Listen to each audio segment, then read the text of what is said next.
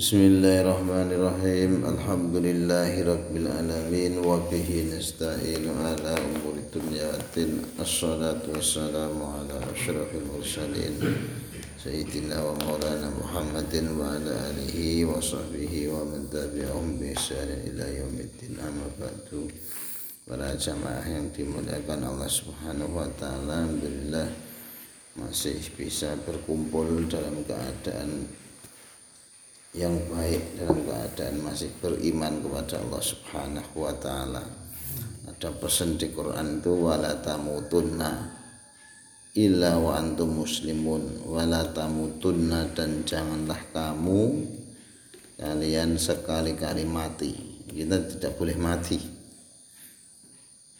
Banget itu pakai nun taukid sakilah bahasa nahwunya wala tamutunna jangan pernah sekali-kali kamu mati illa wa antum muslimun kecuali kalian masih dalam keadaan muslim. Itu paling indah kunci bahagia nanti di akhirat ya masih muslim itu. Ini ada berita viral ya tokoh besar katanya tokoh besar sudah mau pindah ya. pindah agama Hindu. Putranya proklamator kita sudah mau pindah Hindu katanya.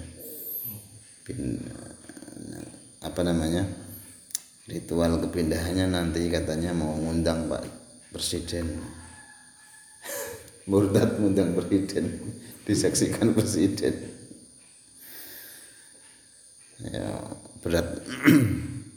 Kita masih bisa memeluk Islam ini paling senang banget ya.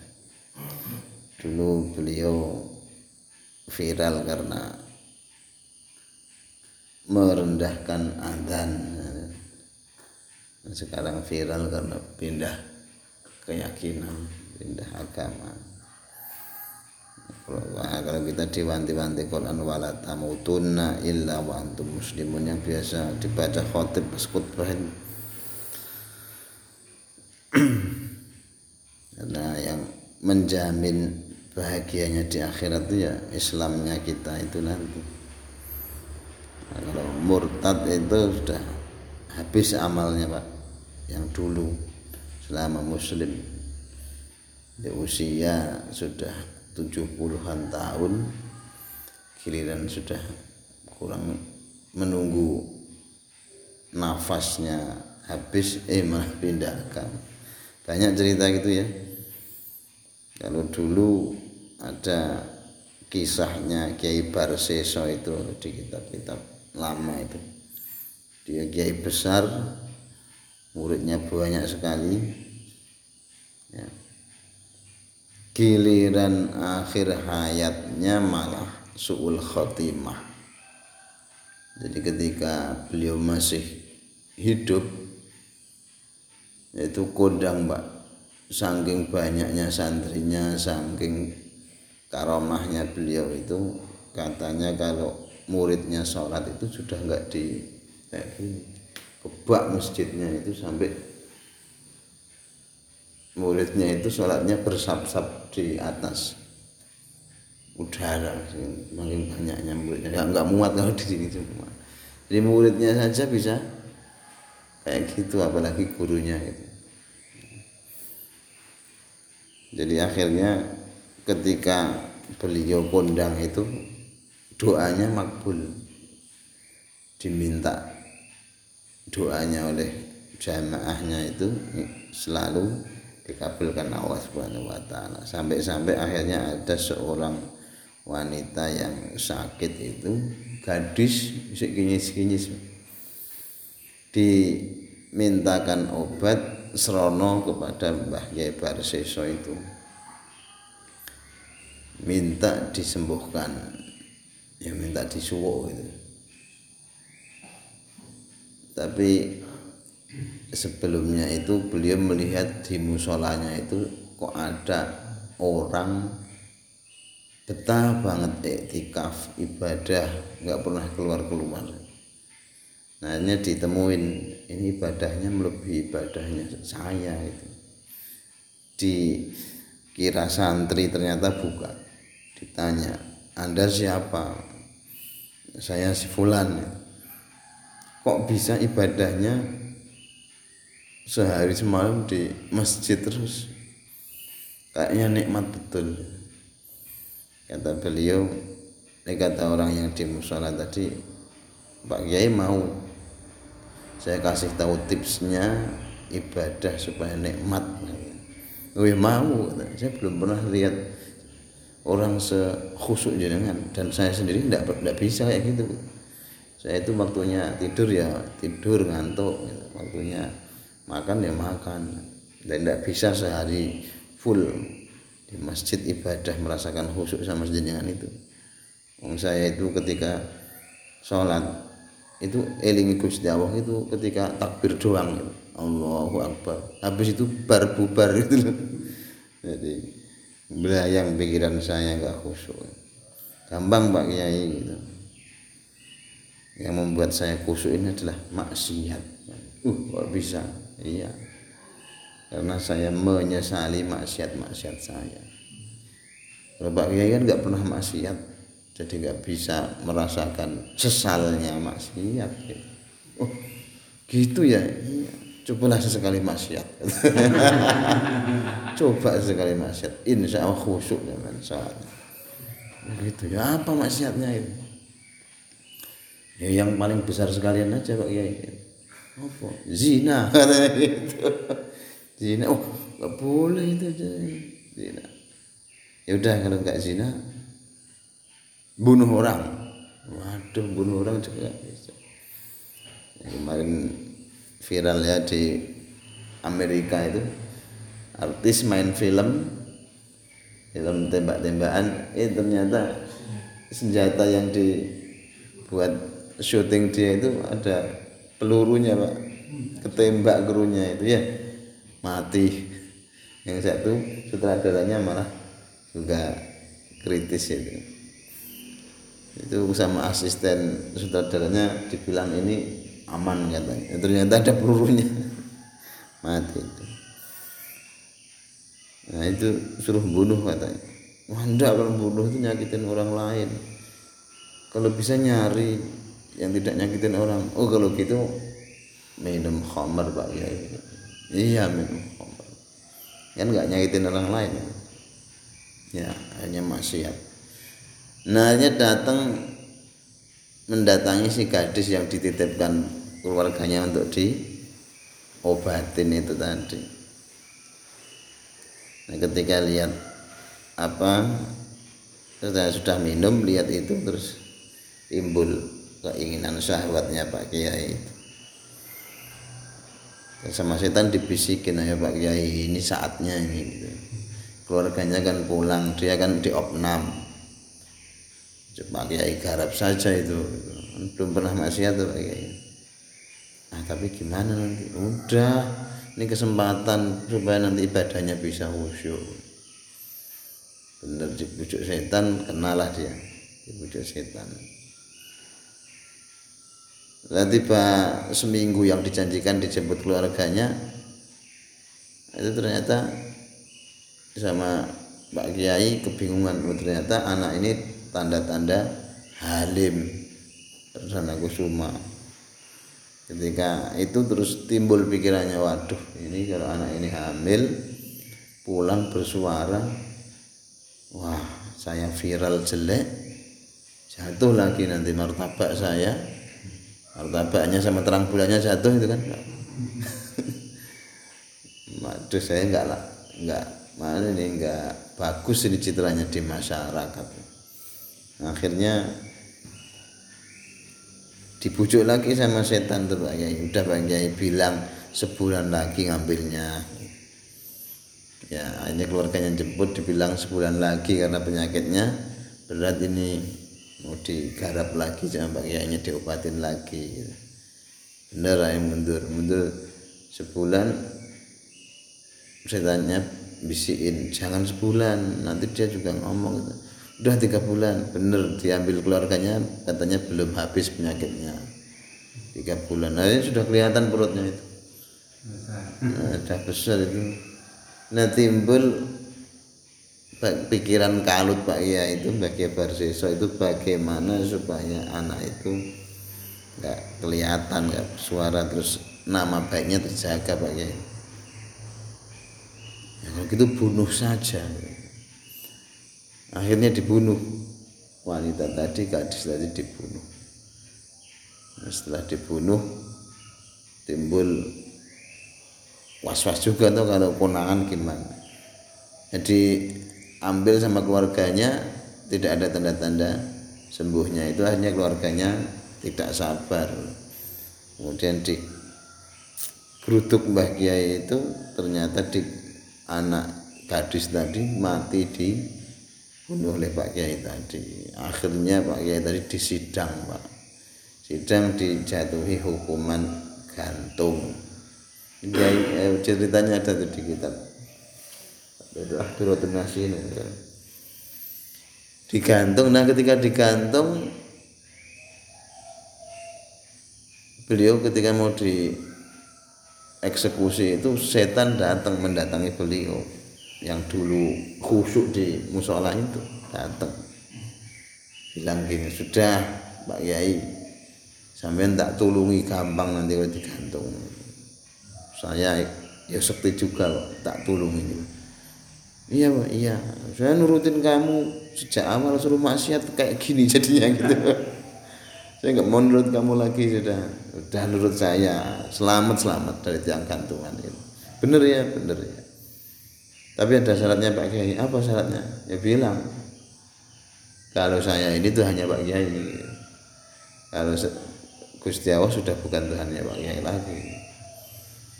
Nggak mau saya gitu, nggak mau ini giliran akhir hayat saya kok saya mau disuruh murtad.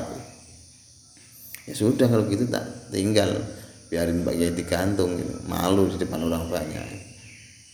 Eh jangan gitu dong, jangan gitu tapi kan saya digantung nggak bisa ngomong saya Tuhan kamu adalah Tuhanku Allah bukan Tuhanku lagi nggak usah ngomong Pak Kiai cukup pakai isyarat anggukan saja apakah saya Tuhanmu? Cukup mengangguk. Iya gitu aja.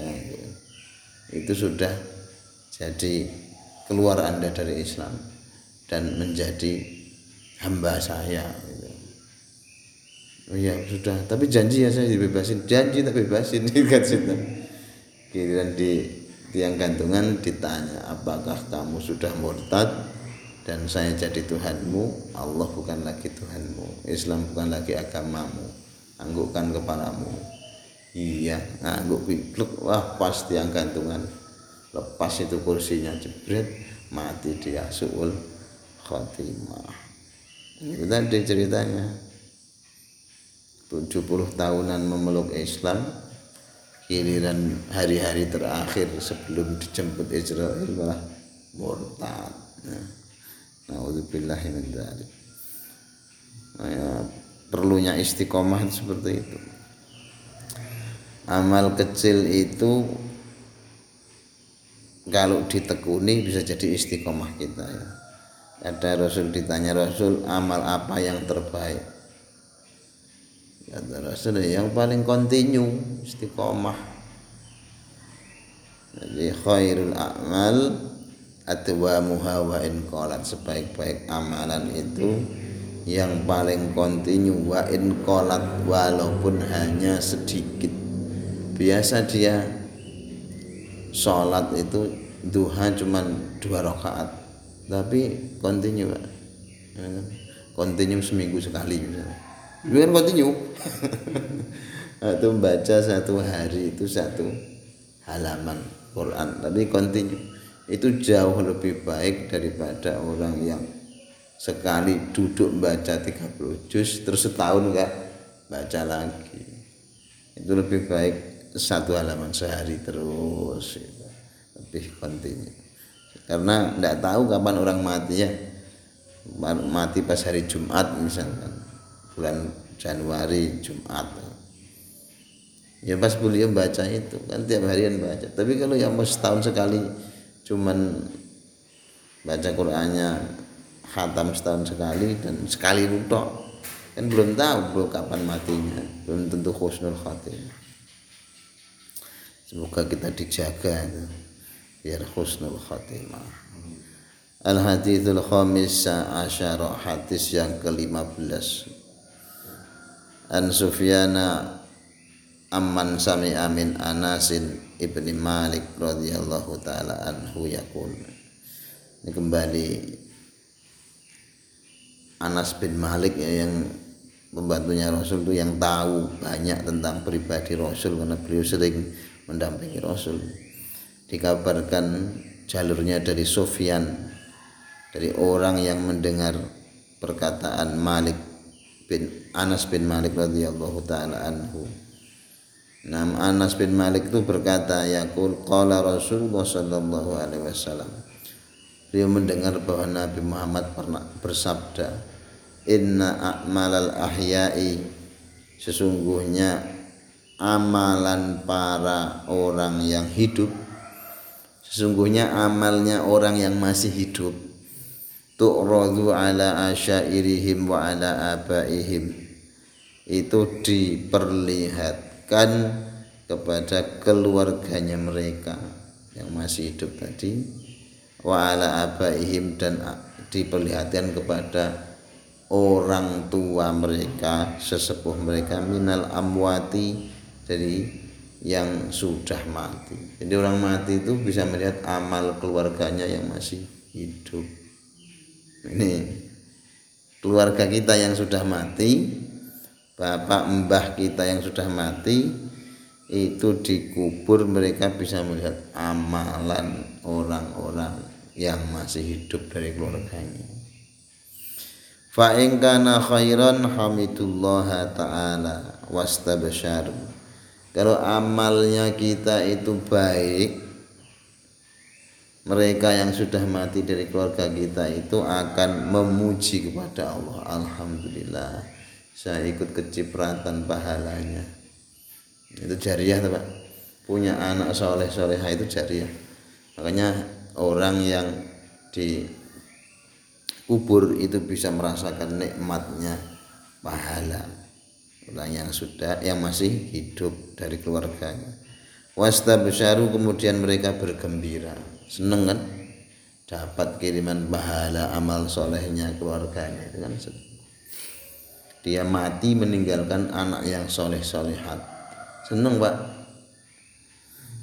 wa in yarau ghaira dzalika qalu Allahumma la tumithum hatta tahtiyahum hidayah.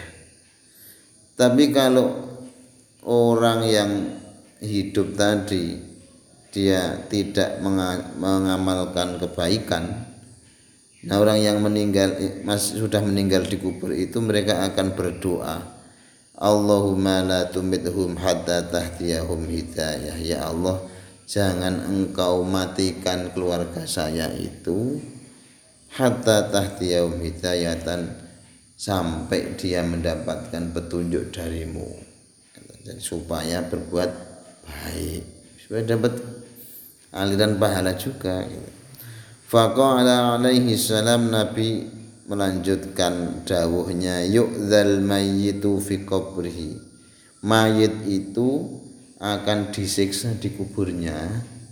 Kama yu'dha fi hayati sebagaimana dia disiksa di masa hidupnya. Kila ditanya Rasul ma ul mayit apa yang bisa menyiksa atau menyakiti mayit itu ya Rasul? Qala alaihi salam Nabi dawuh innal mayita la yudnibu dzamban Sungguhnya mayat itu tidak bisa berbuat dosa satupun. Dikubur. Sudah nggak bisa kan? Berhenti kan? Jadi tadi bilang mayat itu akan tersakiti di kuburnya tersiksa tersakiti di kuburnya kama yu'dhafiyati sebagaimana ia tersiksa nanti di sebagaimana seperti tersiksa di hidupnya. Misalkan dia dia malu di kuburnya itu sebagaimana dia malu ketika hidup dia malu kalau anaknya aneh-aneh gitu maksiat. Sama ketika dikubur juga dia akan malu gitu. Kalau anaknya maksiat. Ditanya apa yang membuat sakit mayat dikubur ya Rasul? Padahal dia kan udah nggak bisa berbuat dosa gitu. dia juga sudah tidak bisa apa menantang. Mata tanaza itu nantang-nantang. Wala yukhasimu dan dia tidak bisa bermusuh-musuhan ahadan kepada satu orang pun.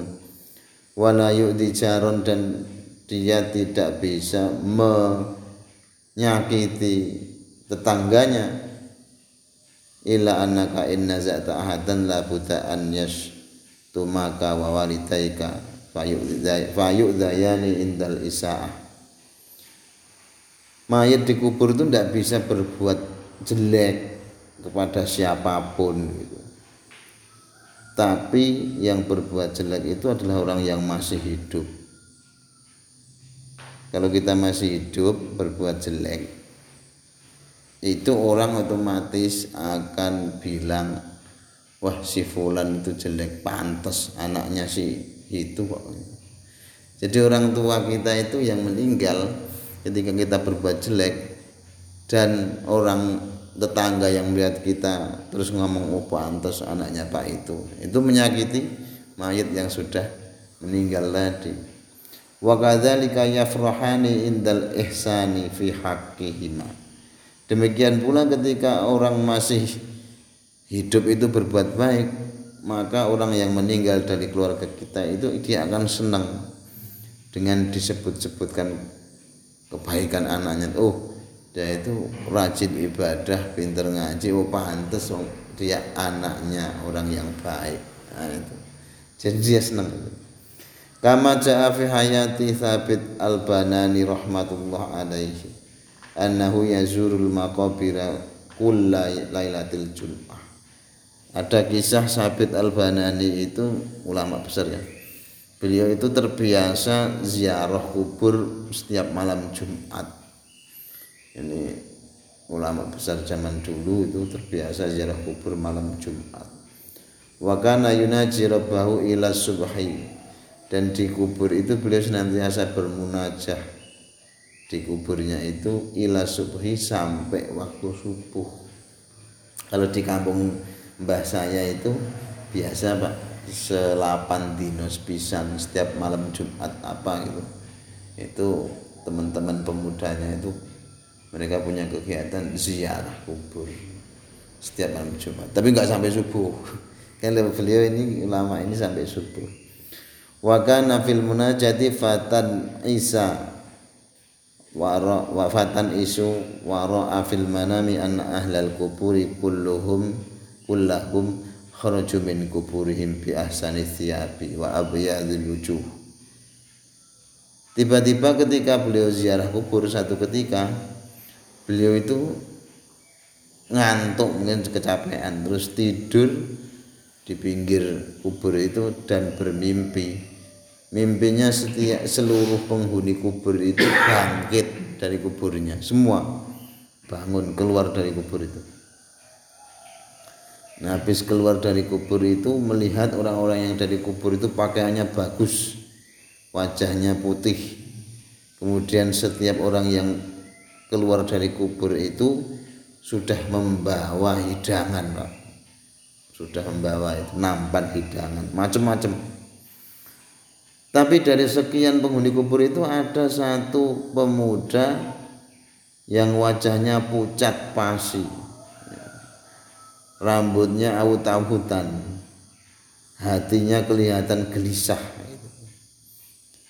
kemudian kepalanya tertunduk sambil nangis dia berdiri dari kuburnya itu nampaknya kosong nggak ada hidangan sama sekali nah, kemudian setelah itu mereka selesai Kemudian ahli kubur itu kembali ke kuburnya masing-masing dengan keadaan senang dan gembira.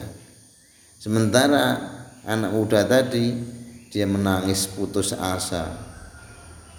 Uh, ini aneh ini yang lain enak kok. Dia kok nangis itu sendirian nggak bisa menikmati hidangan. Kosong hidangannya nampaknya. Kemudian di mimpinya itu Sabit Al-Banani bertanya, Ya fata man anta baina haula'i? Eh pemuda. Mungkin wujudnya pocong-pocong gitu ya pemuda pocong. Yang menyedihkan tadi itu kok kamu beda dari yang lain? gitu. Siapa kamu? Itu mereka itu membawa nampan penuh hidangan. Nah, kamu kok sendirian nggak punya hidangan sendiri? Asing. Dijawab ya imam al muslimin wahai imamnya para muslim. Beliau termasuk ulama kondang panggil imam al muslimin ini gharibun bainahum. Saya memang asing di antara mereka ahli kubur itu. Laisa lidzakirun bil ihsan wa jadi sejauh ini tuh tidak ada yang menyebut-nyebut kebaikan saya tidak ada yang mendoakan saya jadi keluarganya lupa pak tidak pernah ada tahlil mungkin nggak pernah ada tahlil tidak didoakan walahum aulati wa aku wa aku akorib akorib wa asyair kulluhum yadhkurunahum bidu'a wal ihsan sementara orang-orang tadi itu mereka punya keluarga dan keluarganya mereka itu suka mengingat-ingat kebaikan mereka yang sudah mati didoakan. Jadi doa dari orang yang masih hidup itu menjadi jangan bagi orang-orang yang sudah meninggal. Nah saya enggak seperti mereka. Mati sudah selesai gitu aja. Ada yang sedekah juga untuk keluarganya. Fi kulli lailatil jum'ah. Setiap malam Jum'ah. Yusalli minhum al khairat jadi yasilu minhum al khairat jadi kebaikan sedekah mereka itu sampai kepada orang yang sudah meninggal pahalanya padahal saya ketika ketika hidup itu amalnya baik wa kuntu rajulan hajan saya itu pernah naik haji juga wa kanat walidah saya punya ibu. Dia cerita saya punya ibu. Fa'azamna ilal haji yang dia punya azam untuk naik haji. Falamma takhalna fi hadzal misri jaru ala hukmillahi taala. Dia cerita saya itu dulu matinya pas mau haji. Bareng ibu saya.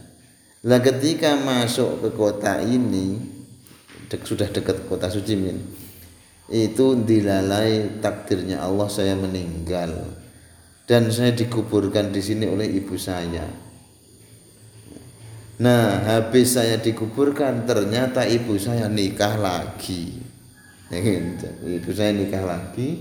Kemudian dia lupa kalau punya anak saya yang mati di sini. Dia bahagia dengan suaminya yang baru dan tidak pernah mengingat saya, tidak pernah mendoakan saya, tidak pernah bersedekah atas nama saya. Sodakoh itu nyampe pak kepada yang mati pahalanya. Kemudian saya sekarang putus asa seperti ini setiap waktu. Fakola sabit ya fata ahbirni an maudhi walidatik. Ya sudah kata sabit. Kasih tahu saya alamat ibumu di mana. Tak kasih tahu dia tentang keadaanmu sekarang. Ya imam al muslimin ya fi mahalatin kada wahai imamnya para muslimin ibuku di tempat ini alamatnya ini dikasih tahu Pak. Fa akhbaraha fa illam fa illam sadaqa Yusuf. Itu sid tusid dukoka tusid duka kalau ibu saya tidak mengenal kamu tidak percaya kamu faqala laha inna fi jaibika mi'atu miskolun min fiddah. Ya, nanti bilang kamu bilang saya kamu punya anak sudah mati di sini di kota ini namanya ini. Kalau ibu saya tidak percaya bilang saja bapak saya punya warisan 100 miskol dari perak gitu dia pasti nanti kaget pasti percaya oh ya baik gitu dan itu hak saya masih di bawah ibu saya gitu. Akhirnya betul Sabit Al-Banani datang ke ibu itu dan mengatakan apa yang diwasiatkan sama anak muda tadi di dalam mimpinya.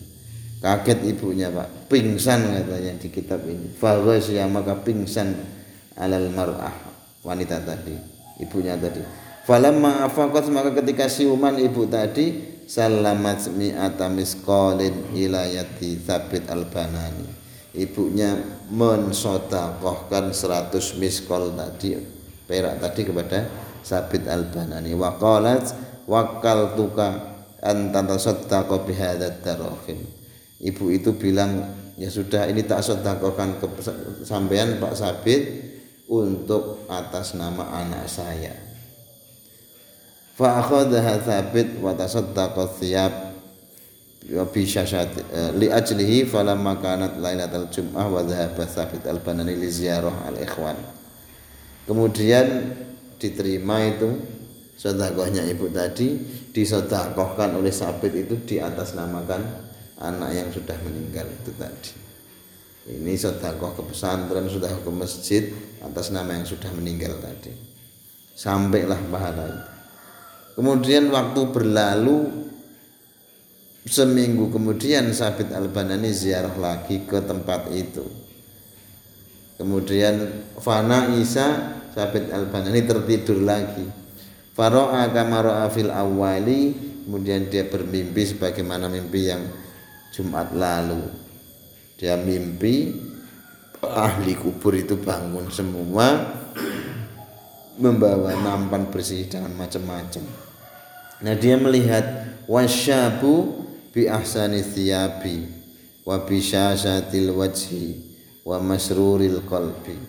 Jadi dia melihat lelaki atau pemuda tadi itu sudah dengan pakaian yang bagus, dengan wajah yang ceria, dengan hati yang riya faqala ya imam al muslimin rahimakallahu taala kama rahimtani ya, pemuda tadi menghampiri Sabit al-Banani. Wahai Tuan Imamul Muslimin Semoga Allah merahmatimu Sebagaimana engkau mengasihiku. Kamu kan kasihan sama aku. Kemarin nyari ibu saya gitu. Fabana annahuma yu'dhiyani fil kuburi indal isaati wa yafrihani indal ihsani. Maka ini menjadi dalil yang jelas bahwa orang yang sudah meninggal itu dia akan tersakiti oleh ulahnya orang yang masih hidup ketika berbuat buruk. Dan orang yang sudah meninggal itu dia akan bisa bergembira oleh kelakuan orang yang masih hidup dari amal-amal kebaikannya. Itu makanya orang yang masih hidup itu kalau bisa nularkan kebaikan kepada anak keluarganya supaya nanti dia tidak dilupakan ketika mati. Wa Assalamualaikum warahmatullahi wabarakatuh